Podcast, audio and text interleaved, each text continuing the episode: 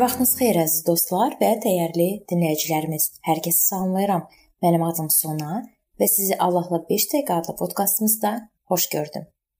1-2 gün mən sizinlə gənc valideynlər üçün həvəsləndirmə haqqında danışmaq istəyirəm.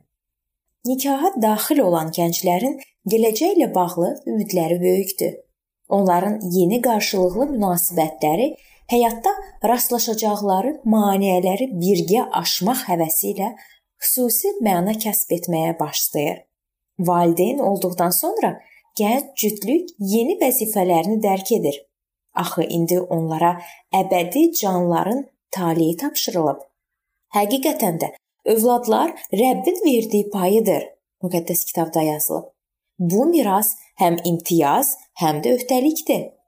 Bu danışacaqlarımın məqsədi üzərlərinə düşən məsuliyyətin altında əzilməkdən qorxan gənc valideynləri həvəsləndirməkdir. Bəzən tərəddüd və inamsızlıq ümidsizliyə qədər böyüyə bilər. Bu, əvvəllər asan gələn hədəflərə çatmaq üçün edilən səylərdən asılıdır. Onlar çətinliklərə, ailə xoşbəxtliyinə zərər qatan məyusluğa yol açmağa imkan verməməlidirlər. Gənc valideynlər real ideallara can atmalıdırlar. Valideyn olduqdan sonra gənc cütlük hesab edə bilər ki, qarşıya qoyulan hədəflər vacibdir və əlçatandır. Nəhayətdə onlar əmindirlər ki, valideynlərinin hərəkətlərini təqlid etmək ən yaxşı variantdır.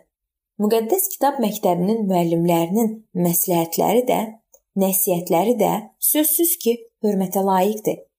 Beləliklə, onlar əmindirlər ki, planları uğurlu alınacaq. Gənc imanlı valideynlər bir qayda olaraq uşaqların müqəddəs kitaba əsaslanan tərbiyəsi ilə bağlı baxışlara və plana malikdirlər və buna görə onlar öz hamilərinə borcludurlar. Lakin bu planlar bəzən çətin reallaşdırıla bilər. Bir ailəyə uyğun gələn digərinə uyğun gəlməyə bilər. Bəzən ola bilsin valideynlərə ideallarını tam olaraq reallaşdırmaq müyəssər olmasın. Lakin bu o demək deyil ki, bu ideallar səhv olub.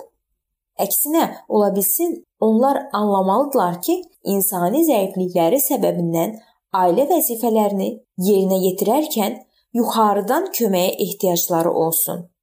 Onlar birlikdə ailələri üçün Allahın iradəsinə tabe olmağı öyrəndikcə Allah onlara cəsarət və müdriklik göndərəcək. Nizam-intizam qaydalarının tətbiqi gənc valideynləri qorxuda bilər. Ola bilsin, onlara indiyədək ailədə və ya məktəbdə uşağı nizam-intizama dəvət etmək müəssər olmayıb. Buna görə də cəza onlar üçün yeni bir şeydir. Əlbəttə uşaq çox sevimli ola bilər və artmaqda olan itaətsizliyə görə cəzalandırma çətin görünə bilər. Lakin elə bir zaman gələ bilər ki, valideynlər itaətə məcbur etmək üçün cəza metodundan istifadə etməli olarlar. Tərbiyənin bu ilkin mərhələsində onlar bir-birini dəstəkləməlidirlər ki, biri olmayanda digəri uşağı cəzalandıra bilsin. Hətta nəticə gözlənildiyi kimi olmasa belə uşaqda xarakter formalaşdırmağa can atdıqda onlarda tədricən əminlik yaranacaq. Bu mövzunun davamını biz növbəti görüşümüzdə araşdıracağıq.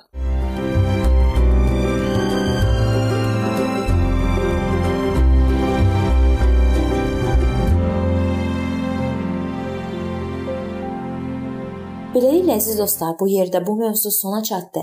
Hər zaman olduğu kimi sizi dəvət edirəm ki, bizim podkastlarımızı Facebook səhifəmizdən və YouTube kanalımızdan dinləməyə davam eləyəsiniz. İndi isə mən sizinlə sağollaşıram və növbəti görüşlərdə görmək ümidi ilə sağ olun, salamat qalın.